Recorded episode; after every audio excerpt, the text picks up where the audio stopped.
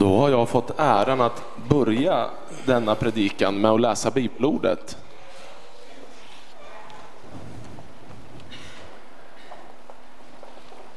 Och det är alltså från Matteus 21, vers 1 till 11.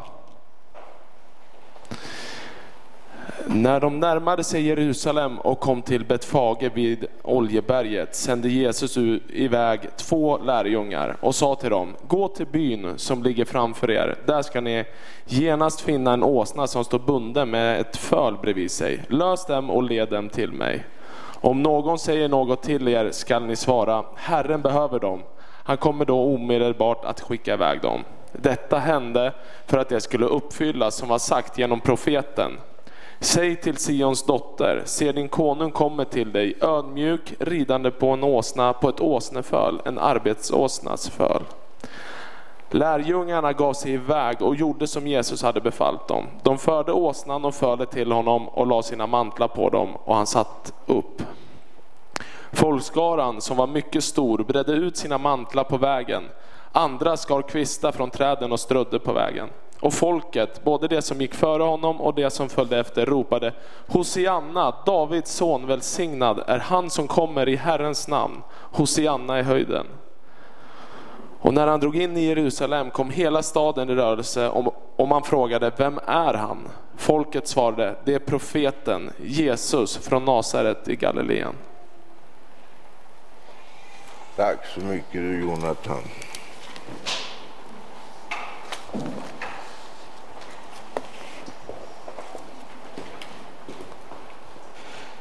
Jag vet inte om jag sa det, men eh, Jonathan sa att han hade fått äran att läsa.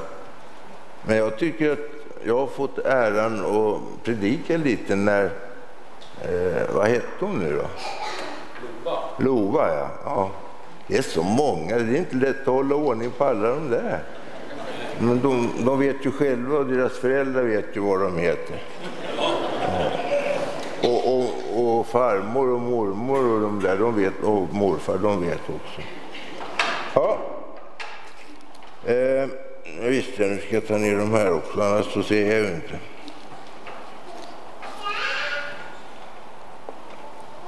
Eh, det är Svenska Bibelsällskapet och vår egen tidning Dagen som har gett ut en bibelläsningsplan för 2015, alltså det här året. Och det är den bibelläsningsplanens text som Jonathan just har läst. Redan i vers 1 här som Jonathan läste för oss så möter vi den lilla orten Betfage. Det var Marta, Maria och Lazarus hemby. Och enligt Johannes 11 så hade Jesus den familjen mycket kär. Lazarus blev sjuk och systrarna skickade bud på Jesus. Han kom, men då hade Lazarus redan varit död i tre dagar. Jesus gick till graven och ropade Lazarus, kom ut! Och hör får ni höra, den döde kom ut med fötter och händer inlindade i bindlar och med ansiktet täckt av en sån där ansiktsduk. Och då kom Lazarus ut och Jesus sa till dem som sprang fram till honom, befria honom och låt honom gå. Det var ju märkligt. En som varit död i flera dagar, så går Jesus dit och ropar på när han kommer ut levande. Det är ni. Nu var grejer det. Eh, den där byn Betfage, den eh, heter med ett annat språk, eller en annan benämning, det omogna fikonens hus. Och den låg antagligen på östra sidan, eller delen av Oljebergets krön. Betfage och Betania var så nära Jerusalem att i rituellt hänseende hörde det till den stadens område där det var tillåtet att äta påskalammet. Jesus kom till Betania sex dagar före påsk, nämligen på fredag enligt Johannes 12 och 1. Han stannade kvar där över hela sabbaten. Denna första dagen i veckan var den tionde dagen i månaden och då skulle påskalammet väljas ut. Allt det där står i Andra Moseboken 12 och 3 om ni har lust att titta efter.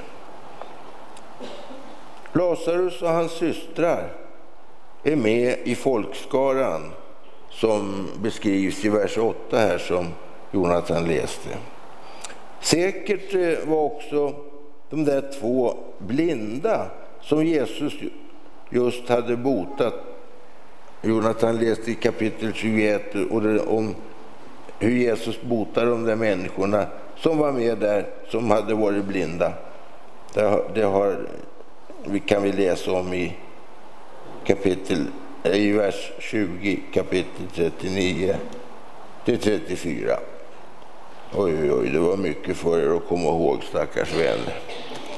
Ja, ja, sett i sitt sammanhang är detta oerhörda dagar för Jesus att gå igenom. Det är bara fem dagar före sin död. Jesus sänder iväg de här två lärjungarna och i byn finner de åsnan. De går fram till djuret med sitt föl, lösgör dem och tar dem med sig till Jesus. Om, och någon undrar vad som står på, så säger de Herren behöver den här åsnan med sitt föl. Och då får de gå helt enkelt eh, med djuren. Och då kommer de fram till Jesus med det här fölet och åsnan. Att få uh, det var lite längre fram det. Då kommer de fram till Jesus med åsnan och dess föl. Och här kommer textens höjdpunkt, tycker jag. Tänk att få vara det där åsnefölet. Att få mantlarna lagda på ryggen och så Jesus, världens frälsare, världens betydelsefullaste människa, ödmjukast bland alla, sätter sig på åsnan sätter sig på mig som åsna. Det djuret skulle jag vilja vara. Tänk att få upphöja Jesus och bära in honom i Jerusalem. Det, det ni, få vara det djuret. Det vore inte dåligt tycker jag.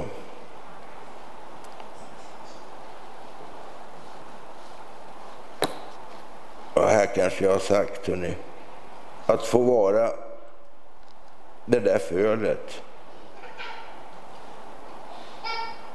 som villigt bär fram Jesus på sin rygg. Och då vill jag fråga, hur är det med mig och hur är det med dig? Vill vi bära fram Jesus där vi går fram?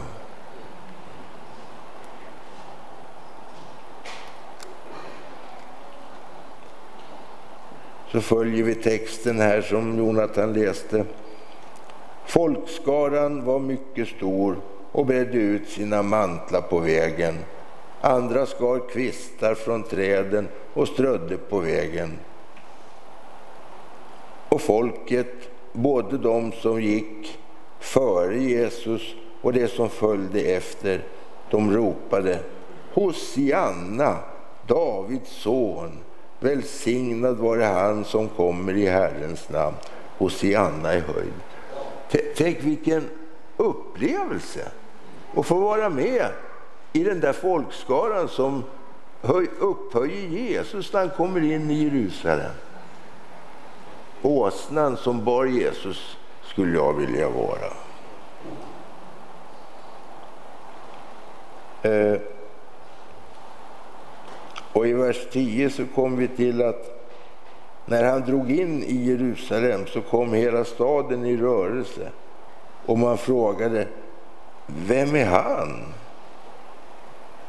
Och då svarade folket det är profeten, det är Jesus från Nasaret i Galileen.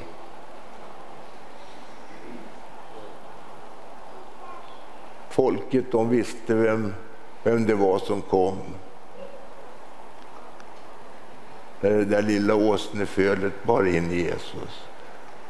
Och tänk om folket där du och jag går fram och bär fram Jesus ibland dem. Tänk om vi kunde vara såna där pel, pelare som ropar. Det gör inte pelarna förstås, men djuren som stod runt pelarna. Människorna som var där runt. Alla så bar de fram Jesus, din och min frälsare.